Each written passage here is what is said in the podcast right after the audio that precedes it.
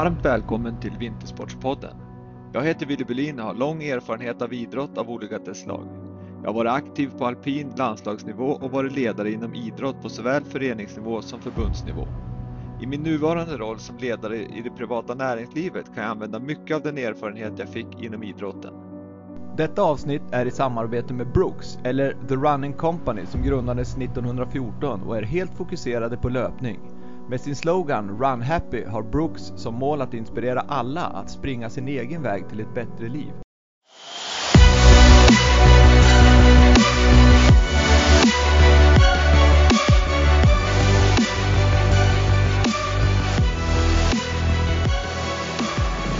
Ja, dagens gäst, Helena Ekholm, varmt välkommen till Vintersportspodden.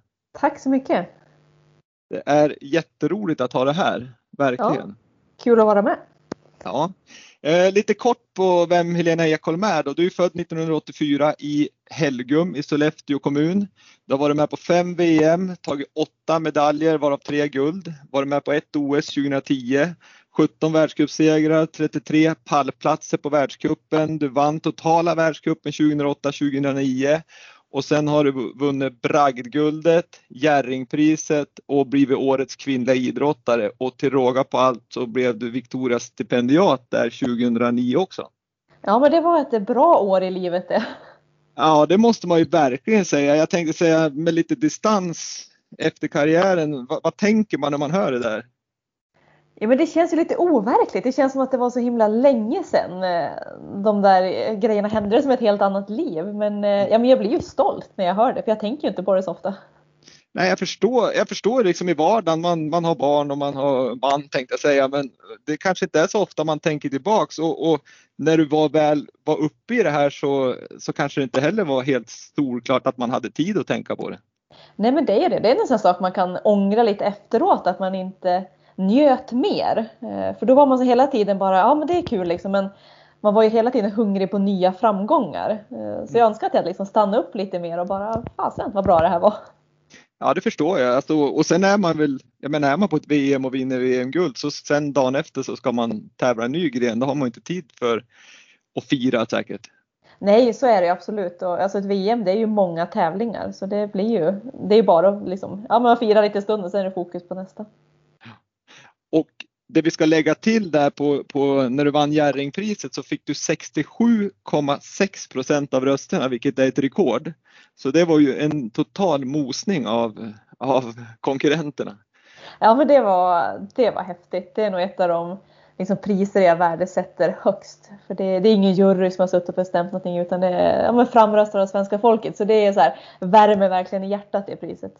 Mm. Ja, det förstår jag. Det är ju ja, det är verkligen eh, svenska folkets pris. Så att, ja, det är härligt att höra. Eh, om, vi, om vi går tillbaks till eh, när allting började där i Helgum. Hur, hur såg din uppväxt ut och, och, och så egentligen fram till, till nu eller när du la av med skidskyttet? Ja, men jag är uppväxt, i en liten by då, Helgum, utan några, ett par mil utanför Sollefteå. Uppvuxen med mamma och pappa och tre småsyskon. Och Ja, man har alltid åkt skidor egentligen. Mammas familj, där, där åker man skidor. Så det har jag liksom gjort sedan jag var barn. Men började väl tävla när jag var kanske nio års ålder. Liksom började på så här riktigt organiserad träning. Sen eh, spelade jag lite fotboll fram till jag började högstadiet. Men det var mer så här att ja, nästan alla behöver ju spela i byn för att vi skulle kunna ha ett lag. Eh, jag var ingen stjärna men eh, ja, jag orkade springa länge i alla fall.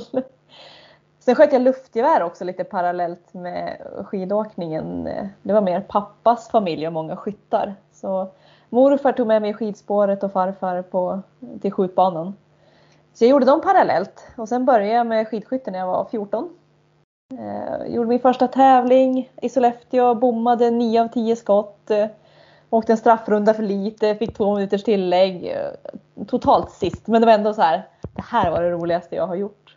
Ja, men, men, hur, ehm, det var som ingen tanke bakom det här med att farfar höll på med skytte och, och, och, och morfar tog med det på skid, skidåkning utan det var bara en slump och så sen Ja men det var en slump eh, och liksom när jag höll på med båda delarna det var ju inte, skidskytte var ju ingen stor grej. Jag hade liksom inte koll på det liksom. Men sen när jag blev lite äldre så började ju Magda komma fram och sådär. Och då börjar ju intresset för skidskytte att födas och då bara jaha, men det kanske skulle vara en bra grej att testa.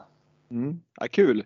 Eh, du var inne på att du spelar lite fotboll för att få ihop laget i byn. Men, men hur kan du ändå känna liksom att du, du fick ut någonting i, i din kommande vad säger, elitkarriär genom, i och med att ha hållit på med fler idrotter och fått olika rörelsemönster? Ja, men det tror jag. Sen tror jag ju framförallt det som fotbollen gav som inte de andra grenarna har gjort, det var ju den här lag, ja, men laggrejen, att fungera i ett lag eh, och liksom resa iväg med ett lag och så. Det, ja, men det tycker jag alltid att jag har haft med mig. Mm.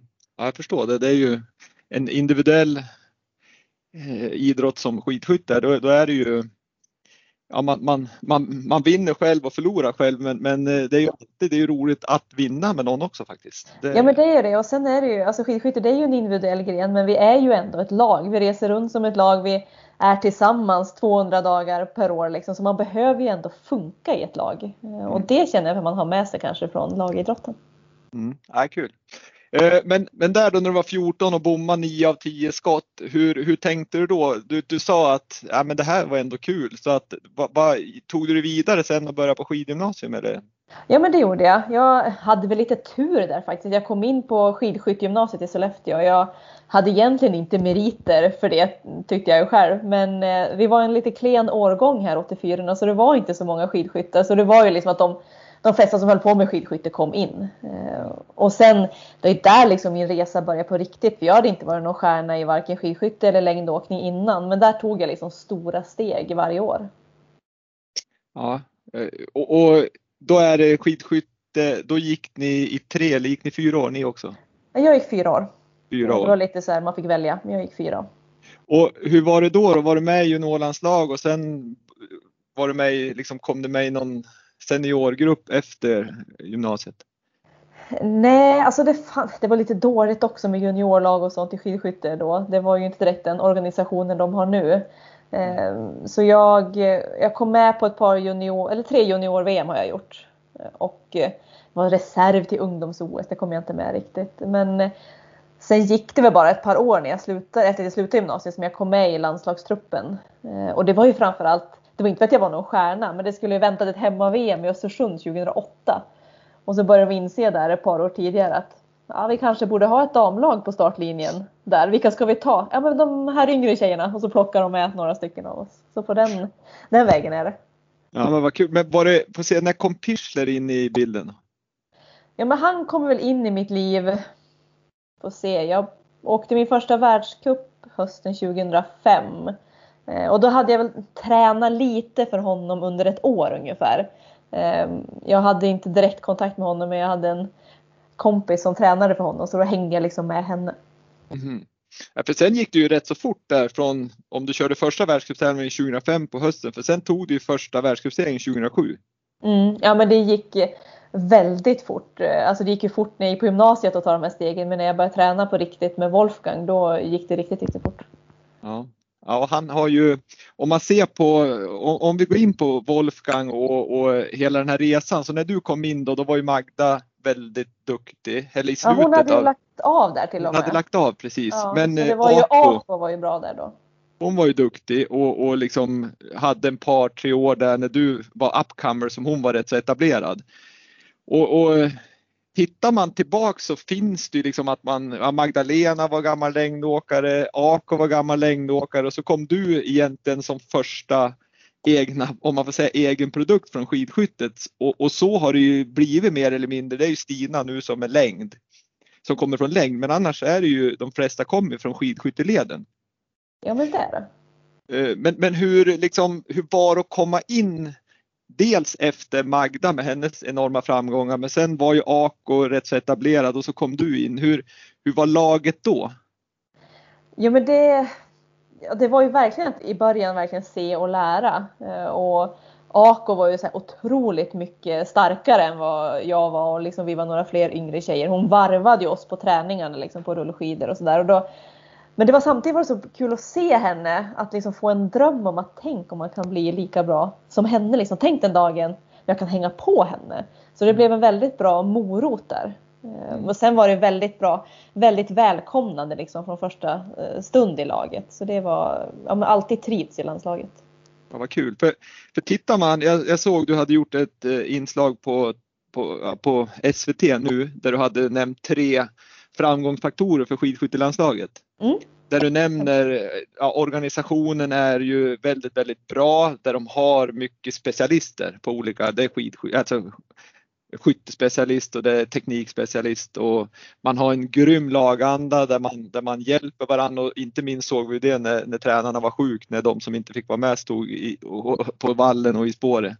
Och så sen nämnde du Hanna Öberg då som en, som en kanske loket i, i, i landslaget under många år.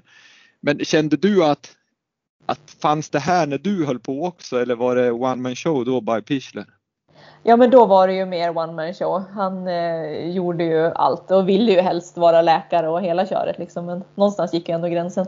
Eh, men då var det ju mer Wolfgang. Det fanns ju inte alls de resurser som det finns nu utan det, det var Wolfgang och det var Staffan Eklund som var förbundskapten. Det var ju de som styrde upp det mesta och stod på skjutvallen och var med på alla träningar och sådär. Eh, så det har ju verkligen utvecklats de här sista åren.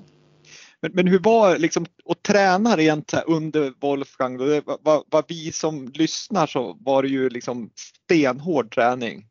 Var, var det verkligen så här stenhårt och han följde er till punkt och pricka varje dag? Ja men lite så var det faktiskt. Alltså, det var väldigt hårt och han hade väldigt, väldigt koll på oss. Det var liksom, körde man ett intervallpass på morgonen och så ringde han ju vid lunch. Ja, ah, vart är pulsfilen? Då ska man ju skicka in, för då gick, nu går det ju automatiskt allt sånt där, men då skulle man ju ladda in så här polarfilen i datorn och mejla den till honom då. Så han kunde kolla hur det hade gått. Så han hade ju stenkoll och, men samtidigt så var han ju ändå den som drog i handbromsen när han såg att det gick åt fel håll. Att nej men nu får inte du upp pulsen ordentligt, det är ju tecken på att du förmodligen är sliten. Så nu får du ta det lite lugnare några dagar. Så han, han hade ju stenkoll men liksom inte bara piska. Nej, men det fanns den alltså balansen där. Men hur var han rent så här, jag tänker ni, ni var två stycken i princip då, Staffan och, och Wolfgang. Hur, hur, var han rent, hade ni bra balans i, i gruppen med jag menar det, det är träning är en sak men sen så ska man ju återhämta sig och man ska ju ha lite kul och liksom det är ju en, det är en balansgång när man är ute och reser så mycket. Jo men det hade vi verkligen, alltså väldigt bra lagkänsla och det var ju en sån här stor grej som Wolfgang också jobbade för. Han pratar jättemycket om att det är så viktigt med team spirit. Att eh, vi, ja men sagt, vi är ute så mycket tillsammans, vi måste ha roligt. Så han var ju liksom den som kunde säga sista dagen på en träningsläger att Nej, men nu tar vi en middag och dricker lite vin liksom och har roligt tillsammans. Så det var det verkligen. Och, ja, men vi gjorde mycket roliga saker, så små tävlingar och sådana grejer. Ja, vad kul för, för när man ser honom då man blir ju som glad som idrottsintresserad för jag, jag, jag har inte sett många ledare som är så otroligt engagerad. Alltså det är ju helt, eh, ja, det, man blir nästan tårögd. Ja, nej men alltså det engagemanget som han har det är ju faktiskt helt eh, otroligt och det är, jag tror det är det också som har fått att han har fått så många att träna så hårt för att man vet att han har verkligen tagit ner sin själ i det här och funkar inte för mig någon tävling eller någonting och då ligger han ju vaken på nätterna och analyserar vad har vi gjort fel och så där. Så jag vet ju att om jag är besviken efter en dålig tävling så ligger ju han sömnlös och funderar på vart det gick fel.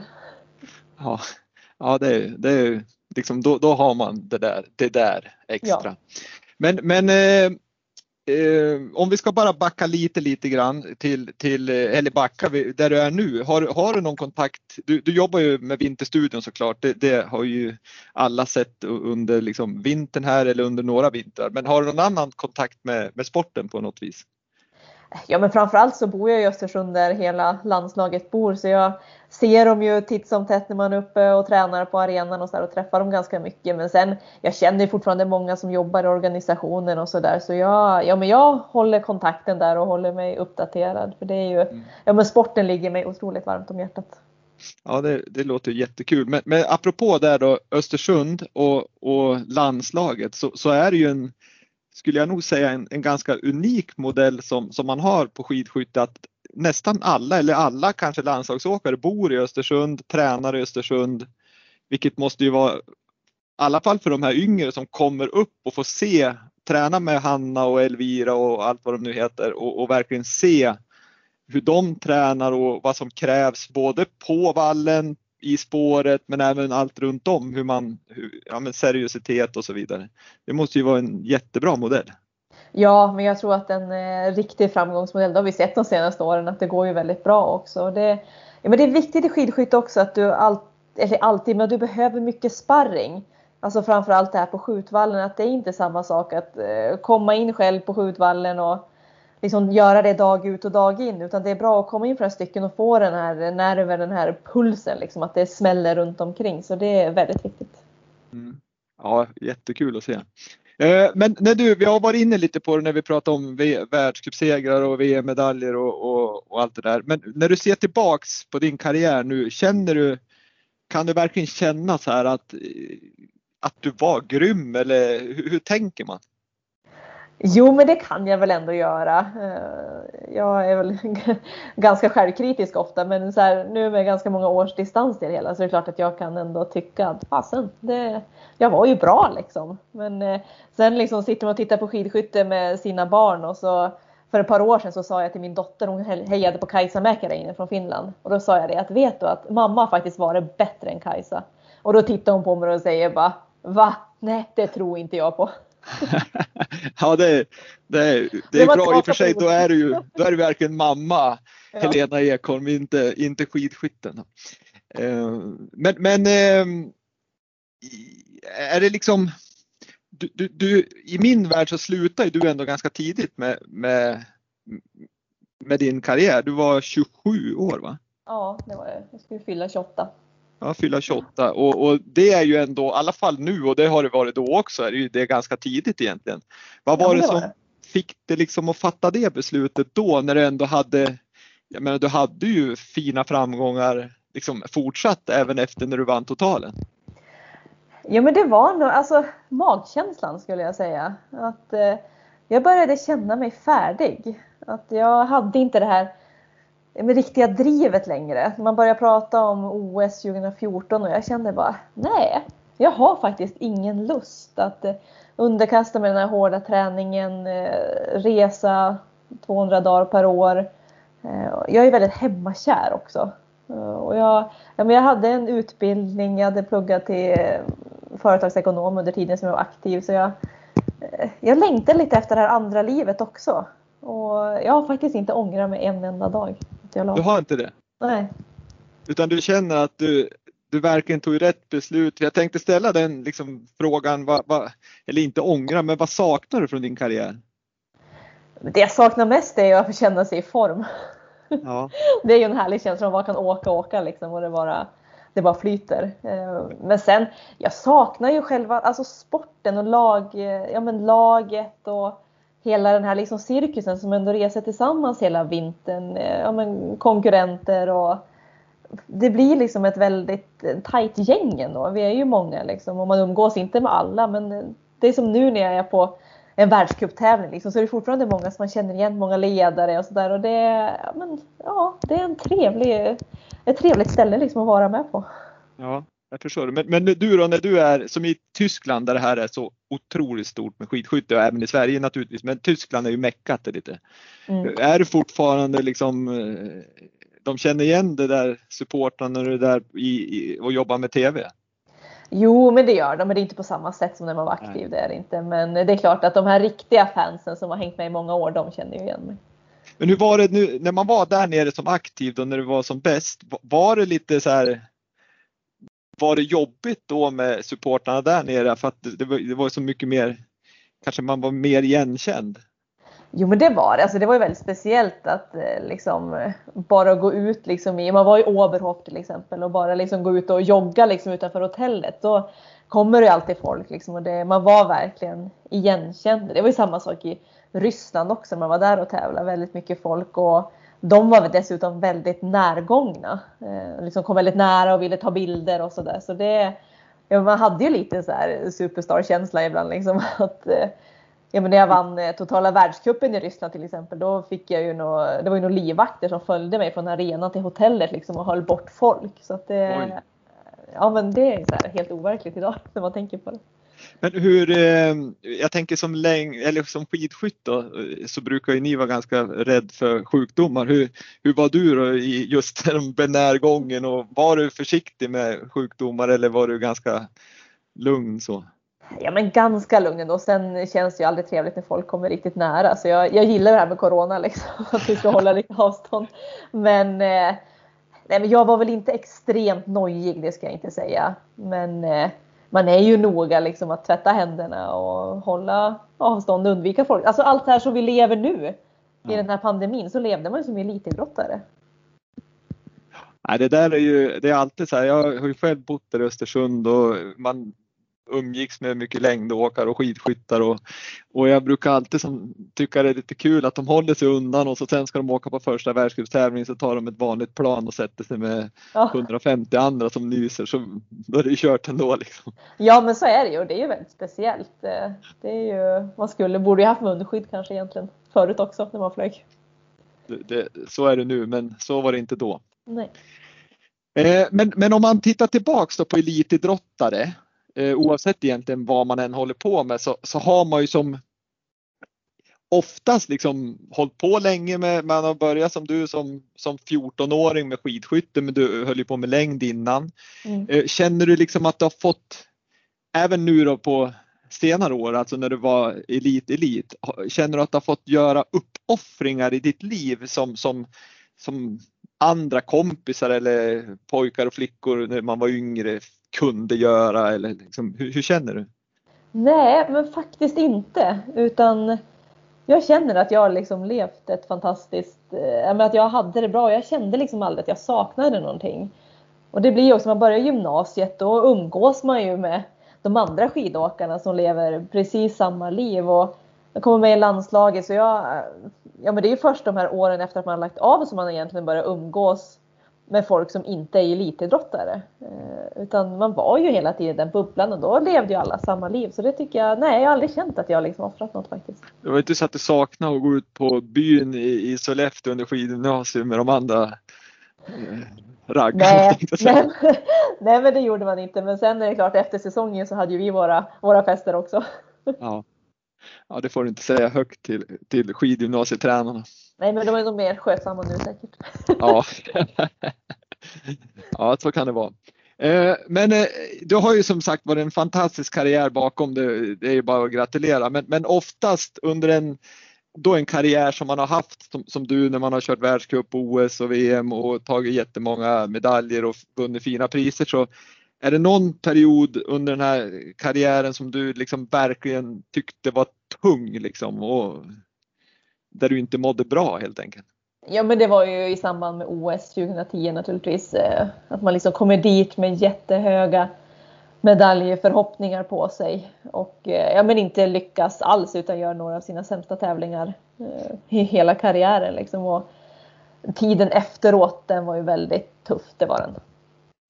Hur liksom, för det var ju lite just där i, i 2010 för du var ju som så framgångsrik år innan på VM, där du vann du och så sen mm. blev det OS. Va, va, känn, om du liksom nu med distans, är det någonting du känner att du verkligen gjorde fel när du gick in där? Ja, men jag tror nog lite mentala inställningen att jag var lite naiv och tänka i att det här är, att jag försökt intala mig själv att det här är som en vanlig tävling. Det är, liksom, det är lika långt fram till tavlorna, vi ska åka lika långt, det är samma konkurrenter, eh, sådana grejer. Att jag, jag var inte riktigt beredd tror jag på framförallt det här media mediadrevet vad man ska säga. Mm. Liksom man kommer på, allting kändes liksom ganska bra tills man kom till första presskonferensen två dagar innan första tävlingen. Och så, alltså det är så mycket media eh, på plats så att man blir helt oj, shit. Eh, det var nog där det liksom slog mig att det här är stort, det här är ingen vanlig tävling. Nej, det där är ju kanske en, en fälla man ofta går i att man ska, det, det liksom, egentligen borde man inte intala så att det här är bara KM. Nej men nu är vi på VM och nu är vi på OS och ja. framförallt förberedelserna kanske måste man vara med på precis som du säger att där tycker jag personligen att kanske Svenska Olympiska Kommittén och kanske i det här fallet då Eklund och Pichler borde liksom ha förberett dig på nu kommer det här bli Ja, jo men så är det ju. Och sen känner jag ju också att jag hade kunnat ta ett eget ansvar mer också och prata med de andra i laget som faktiskt hade varit på OS förut. Ja men min, ja, min dåvarande pojkvän, min nuvarande man, liksom, hade ju också varit på OS fyra år innan. Men jag, nej, jag vet inte. Det var som att jag bara gick in med inställningen det här är en vanlig tävling. Och det, nej, det var det ju inte.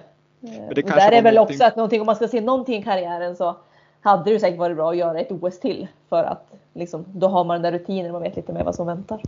Men nu gick det ju som ganska fort för dig liksom från, ja, men från 2007 när du vann första och så sen 2008-2009 vinner du totalen och sen är det OS så det är ju det är inte så lätt att göra något test-OS innan då. Liksom. Nej men det är ju inte det och jag, alltså jag hade ju inte rutinen på det sättet överlag liksom med stora mästerskap utan och jag hade inte haft någon motgång heller utan det hade ju bara gått verkligen rakt uppåt och det kanske hade varit bra med någon lite mindre motgång innan liksom för att vara beredd på det också. Hur ska jag tackla det? Men det hade ju bara gått uppåt, uppåt, uppåt. Och sen är det ju, det, det tror jag är viktigt att man har med sig liksom ja, de som lyssnar här och de, de yngre som, som har karriären framför sig. Det är ju att, att man liksom försöker se vad, vad är det som kommer nu? Ja, nu ska vi på ett OS, då innebär det de här sakerna så att man liksom också kan mentalt förbereda sig på att nu kommer jag in här och de kommer fråga mig hur, det är inte frågan om jag ska vinna utan det är frågan om hur många minuter jag ska mm. vinna med. Liksom. Ja men det var väl det som blev en liten chock för mig också. Att jag, jag åkte ju dit med målsättning att ta en medalj för det, det är klart jag visste att det kommer vara jättetufft. Eh, så jag hade pratat med Wolfgang och vi satte målet. En medalj, då är det liksom, det är ju jättebra. Eh, men första presskonferensen så får man en fråga. Hur, det var liksom inte hur många medaljer tror du att du tar utan det var bara hur många guld blir det? Eh, tror du att ni vinner stafetten också? Det var som att de trodde att jag skulle vinna allt. Köra fyra sträckor på stafetten. Ja men liksom så. Det var så här, fyra eller fem guld vinner ni stafetten. Liksom.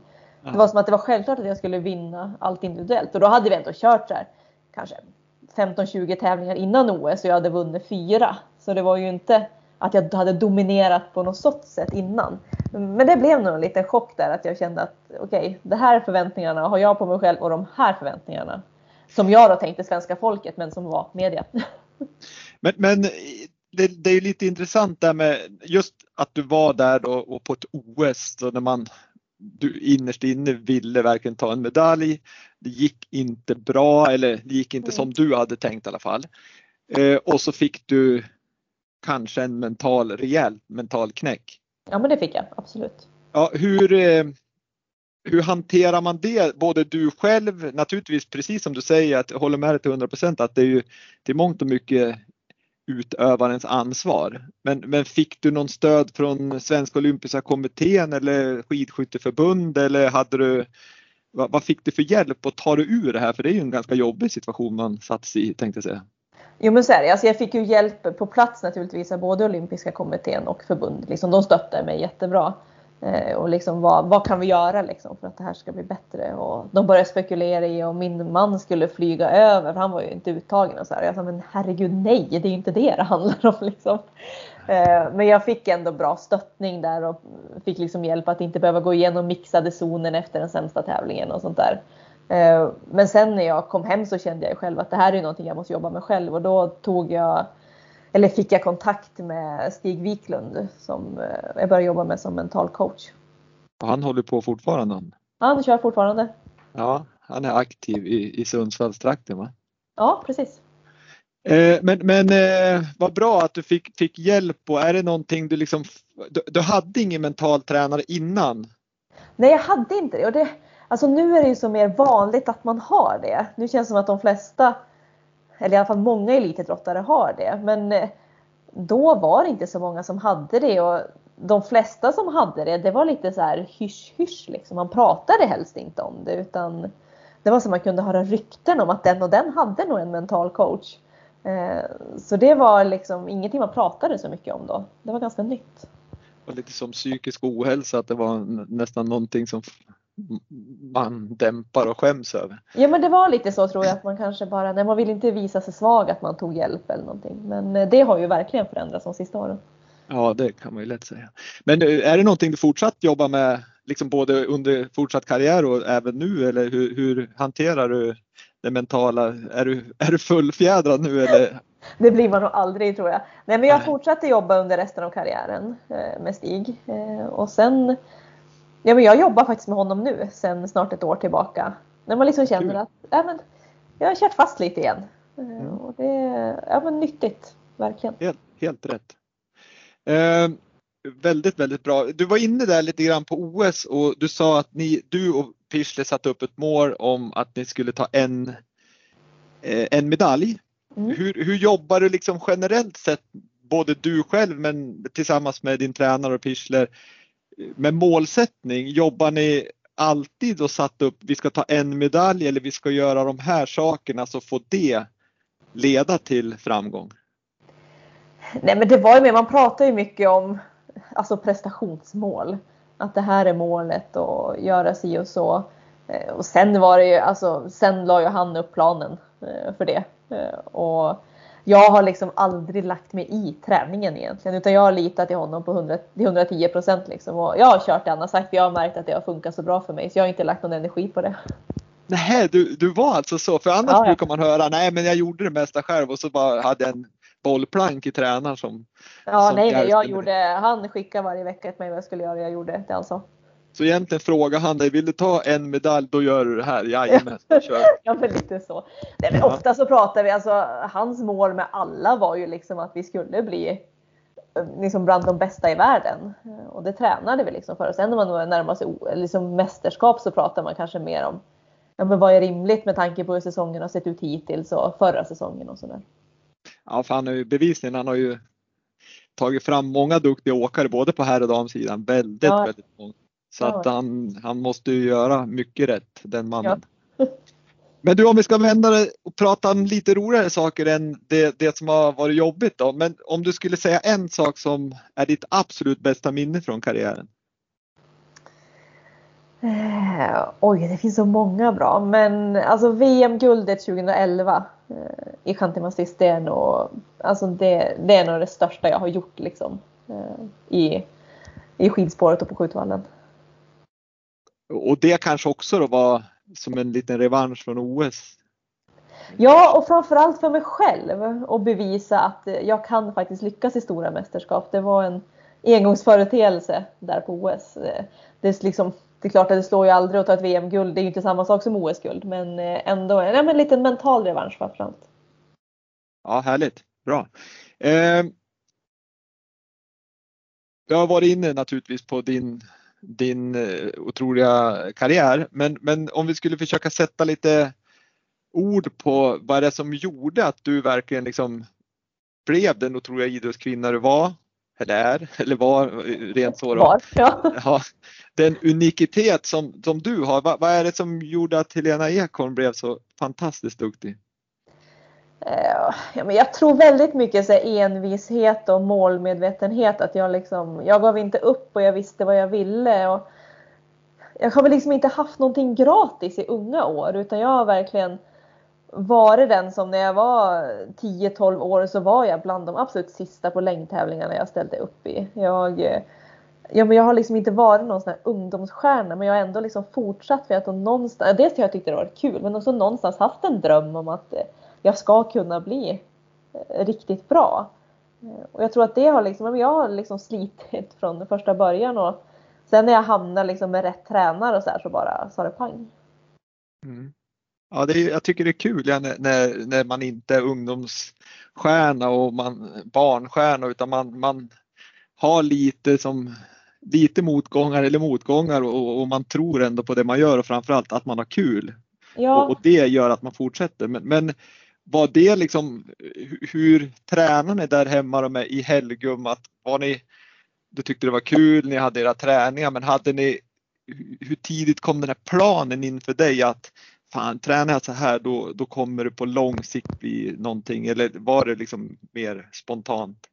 Nej men det var mest spontant. Det var väl jag tror det var året innan jag skulle börja gymnasiet så fick jag ändå hjälp av en i klubben, liksom, i längdklubben hemma som eh, har jobbat lite som tränare som hjälpte mig ändå lägga upp en plan för jag skulle träna under sommaren och sådär när det var uppehåll på eh, liksom vanliga träningarna. Så då hade jag väl lite en plan i alla fall för första gången och hade lite hjälp så. Men eh, nej, annars har det liksom varit, eh, ja, man har varit på träningarna med klubben och kanske åkt lite skidor på helgen. Liksom. Men det har inte varit så mycket mer. Det, det, jag vet inte, det, det, känns som att det blir mindre och mindre spontanidrott. Det är ganska tidig ålder nu när man börjar liksom ha liksom en strukturerad eh, träning och det ska liksom jag vet inte om det kan leda till att, att ungarna kanske inte tycker att det är jättekul heller. Jag, jag vet inte, det är svårt att... Men det tror jag. Alltså, det är ju, framförallt är det väl farligt med den här tidigare specialiseringen skulle jag säga. Att, det, att så tidigt tvingas du välja. Att det är knappt så att du kan göra en vinter och sommaridrott parallellt för att du måste vara med på ett visst antal träningar under hela året. Det är väl det som jag tycker är farligare med ungdomsidrotten. Liksom, att man inte ska få, få hålla på med massa olika grejer, att man inte kan samköra det.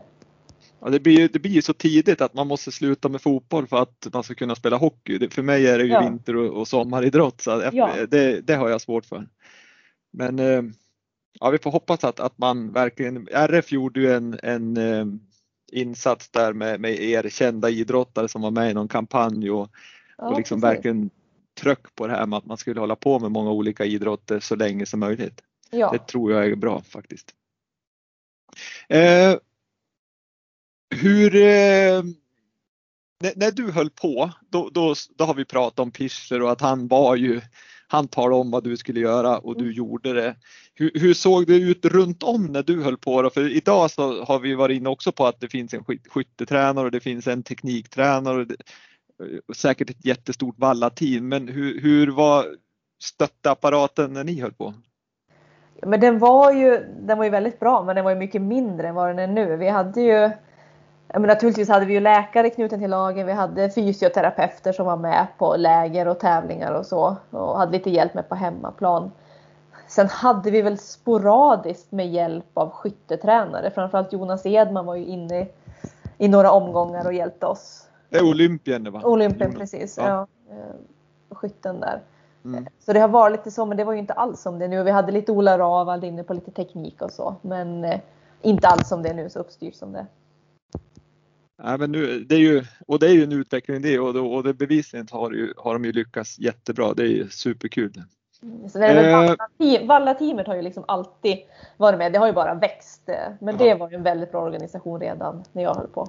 Var det, börjar man det projektet med Svenska Olympiska Kommittén då tillsammans med längd när du höll på? Ja precis, det var bland de sista åren när jag höll på. Ja, och det, det var ju klokt att, att köra ihop ja. längd och skidskytte just den, den vad ska jag säga, projektet. Då. Absolut. Det var ju kul. Eh, men, men du slutar 27 år gammal och jag har läst eh, om dig och, och liksom förstod att du var lite grann som du berättade också att du var liksom lite klar med det där. Du hade ledsnat på att träna lite. Du var hemmakär och du, du, mm. ja, men du ville kanske inte resa de här 200 dagarna per år eller vad det är man är ute på läger och tävlingar. Eh, det var ju otroligt bra att du studerade till ekonom. Du började på en revisionsbyrå. Mm, Hur länge jobbade du med det då? Och var det ganska direkt inpå eller? Ja, men jag slutade ju där i april 2012, gjorde min sista tävling och sen började jag jobba i augusti på Oj. revisionsbyrå där. Eh, ja. Och så jobbade jag där, sen fick jag ju barn ja, sommaren när jag hade varit pensionär ett år. Ja. Så då blev det ju ett års uppehåll och sådär. Men sen jobbade jag väl ett par år till. Tills jag fick mitt andra barn. Då, då slutade jag och så kände jag att nej, nu ska jag nog göra någonting annat. Så då utbildade jag mig till PT istället. Ja precis, men hur var det när du, när du slutade där då i, i april och bestämde att nu är det bra liksom. Hade du, tog du en paus från träningen då och kände bara att nej men nu vill inte jag veta av ett par löparskor eller ett par rullskidor eller en bössa något mer? Nej, alltså jag höll nog i träningen ganska mycket direkt för jag tyckte det var så himla kul att nu får jag träna vad jag vill, när jag vill. Eh, och jag behöver inte ut när det är dåligt väder om jag inte vill. Och så där. så jag, jag höll igång träningen ganska bra där under eh, sommaren. Det gjorde jag.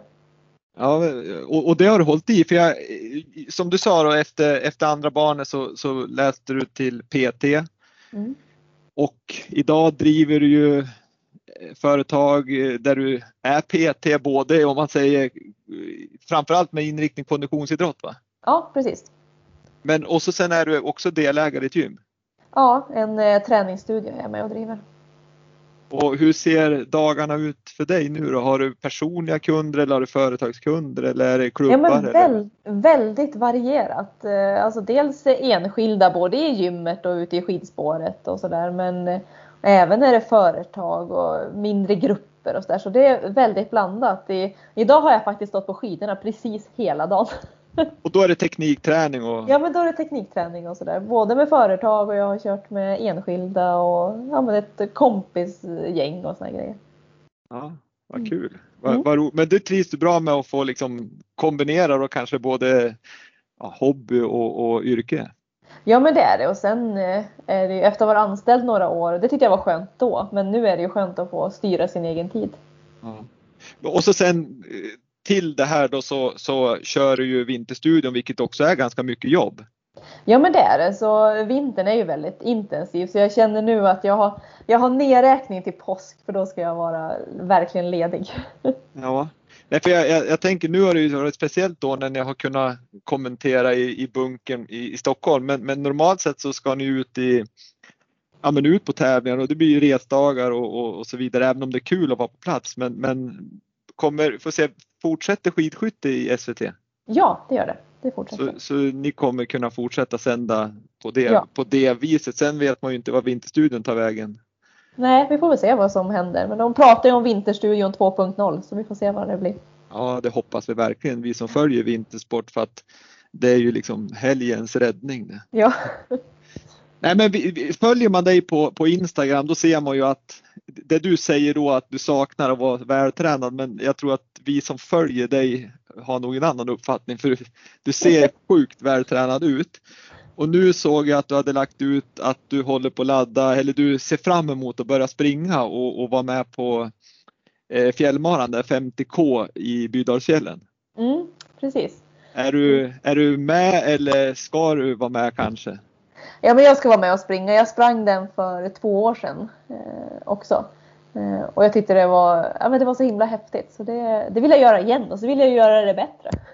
Ja, för, för har man varit uppe i, i de fjällen så kan jag säga att det är, det är tuffa stigningar. Det är Ja, en ganska är tuff eh, bana faktiskt. Ja men det är det. På, ja, men på de där 50 kilometerna ska man ju ta nästan 3000 höjdmeter. Och det är ju ja, men det är väldigt stenigt och det är väldigt brant så det, ja, men det är tufft. Men det, jag gillar utmaningar också. Mm. Det är härligt. Mm. Ja, det låter ju som en kanonidé och då har du någonting att se fram emot också. Då kan du inte sluta träna helt enkelt. Nej precis. Och jag, alltså träningar blev nu mer att jag, jag mår bra av att göra det. Att jag behöver det för att vara en eh, bra mamma och liksom ja, men, vara en trevlig person helt enkelt. Ja. Nu tränar jag, Jag lite mer för att må bra. Ja, men har man levt med träning och, och haft det liksom sen, sen barnsben, det, det, det är svårt att förklara det men det är ganska svårt att bara lägga av.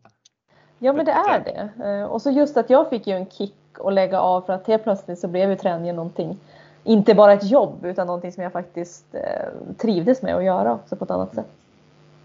Ja, det förstår jag verkligen. Hörru du Helena, vi, vi börjar som närma oss ett slut på, på det här samtalet, eh, Mm. vilket är synd. Det var jättetrevligt att, att prata med dig verkligen. Eh, men jag har, jag har eh, en fråga till själv och så har vi en fråga från en, en lyssnare.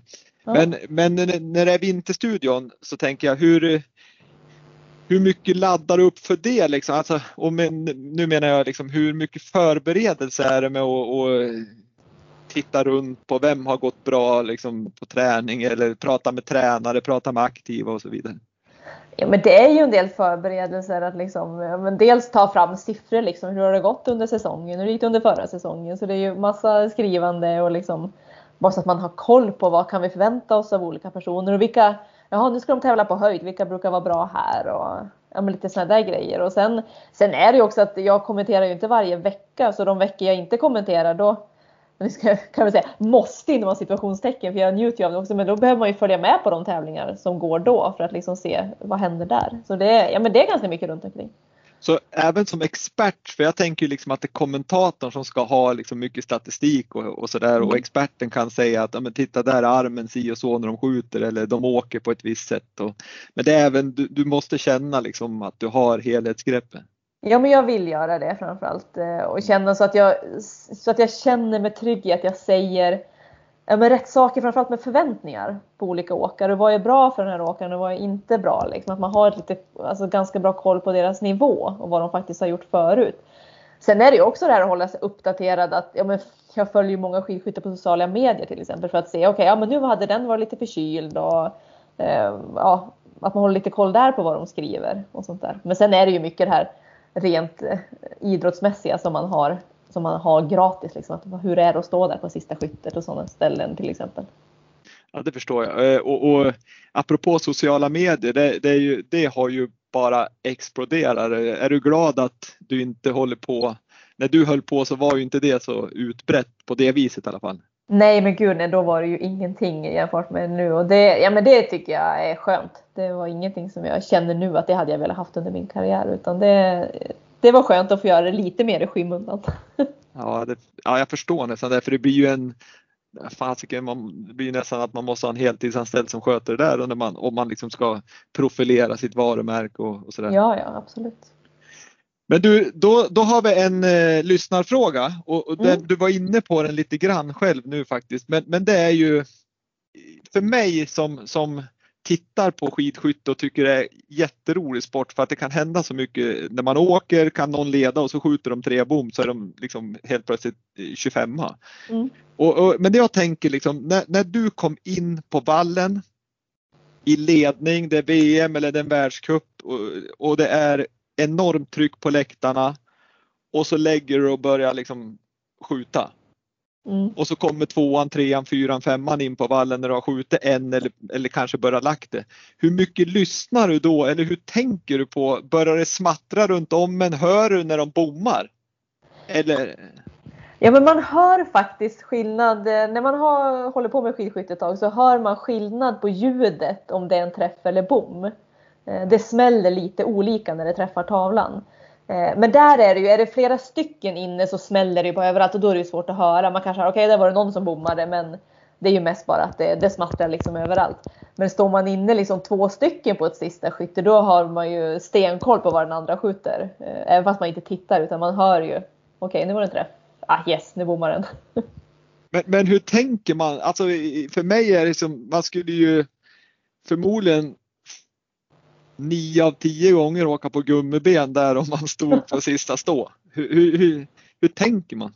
Ja, där... Hur jobbar ni med det i, i, i, trä, i vardagen? Alltså ni måste ju ändå förberett det på något vis. Jo men det är det ju. Man, eh, alltså, det är ju mycket det här att gå in i sin bubbla och försöka. Liksom, man kommer höra mycket ljud, man kommer höra publiken, man kommer höra konkurrenter. Men att liksom verkligen öva på att stänga av det. Att okej, okay, det går in genom ena örat och ut genom det andra. Att det ska inte påverka mig. Och det är det som är så viktigt det här att man får träna med andra. Eh, att man är van att det smäller runt och liksom sånt där. Eh, men sen kände jag ofta att jag hade ett, jag hade ett mentalt övertag där på framförallt stående skytte. För att jag, jag var ju en av få som var bättre på stående än liggande. Aha. Eh, och det är så, här, så jag visste ju när jag kom in att ja, men jag är bättre på att skjuta stå. Och jag vet också att de vet att jag är bättre. Så att det är en press för dem också. Så det var en sån mental styrka jag hade där. Ja, det, det, det kan ju knäcka vem som helst. Ja. Eh, eh, men, men eh, en, en, en, en, annan fråga det är ju liksom om man tar som när jag åker längd och så har jag liksom kört tre kilometer och så kommer jag in och ska varva på stadion, då har man ju enorm puls och skulle jag ens tänka tanken att skjuta då så skulle jag ju förmodligen behövt ha en, ja jag vet inte hur stor träffyta som jag skulle behöva, men hur, att ni är bra tränare, att ni får ner pulsen, men när ni sköt då, för man ser ju ändå att ni har puls när ni skjuter. Mm. Hur höll ni andan eller hur, hur andas man när, man när man skjuter? Ja men de allra flesta, man har ju hög puls när man börjar skjuta. Det är ju liksom, det är en träningsgrej att man lär sig att skjuta med hög puls. Eh, sen går ju pulsen ner ganska fort under en serie men det är ju, de flesta tar ju ett andetag mellan varje skott. Eh, att man skjuter ett skott och så tar man snabbt andetag och så nästa. Det finns en del som skjuter kanske två skott på samma andetag men det, de flesta gör ändå ett snabbt andetag emellan. Ja, intressant. Det var bra svar på mina, eller lyssnarnas frågor. Det, det, det är någonting man funderar ganska mycket på att man, att man kan skjuta när man är så pass trött. Mm. Men träning ger färdighet. Så är det. Eh, då har jag egentligen en fråga kvar som jag ställer till allihopa. Mm. Eh, och det är om du kan ge en framgångsfaktor eh, som du anser är viktigast för att eh, bli en bra idrottare. Ja, men jag skulle säga stöttning i, när man är barn och ungdom. Det behöver inte vara föräldrar, det kan ju vara någon mor och farföräldrar eller någon annan. Men att man har någon som, som stöttar en och inte pressar. Alltså mina föräldrar har betytt otroligt mycket för mig. Och de har liksom låtit mig och mina syskon hålla på med idrott men de har aldrig satt några krav på oss eller press. Liksom. Det har kunnat vara så här att eh, ja, men de ställer upp och skjutsar och lägger varenda helg på att vi ska få tävla men liksom aldrig att det har varit något krav tillbaka mer än att vi ska göra vårt allra bästa. Eh, så det ska jag väl säga, för att få folk att hålla på med idrott överhuvudtaget så är det grunden till att barn som vill hålla på med idrott de får stöttning. Ja, det tror jag också är väldigt, väldigt viktigt. För, och speciellt när man håller på med liksom, skidskyttelängd eller alpint så, så är det inte bara att ta fotbollsskorna under armen och gå utan man, man har ju så pass mycket. det. Och liksom min pappa som aldrig har stått på skidor liksom innan, ja det har han knappt gjort nu heller, men eh, innan han, vi började med skidor. Och liksom han gick vallakurser och liksom lärde sig det där. Så han stod ju där på fredagskvällarna och vallade i garaget för att vi skulle tävla då på lördagen. Så det, ja men jag är otroligt tacksam för att jag har haft sådana stöttande föräldrar. Ja, det är härligt. För, för det är ju också, det är ju en så härlig idrott också när man all vinteridrott när man är ute så är ju väldigt härligt. eh, Dels för att man får vara ute men sen blir det ju ofta hela familjen involverad på något vis. Ja, verkligen. Ja men du, jättestort tack Helena för att du var med i Vintersportpodden och jag tycker det har varit ett fantastiskt härligt samtal. Mm, kul att jag fick vara med. Ja, det, det är jag superglad för. Ha det så jättebra! Detsamma.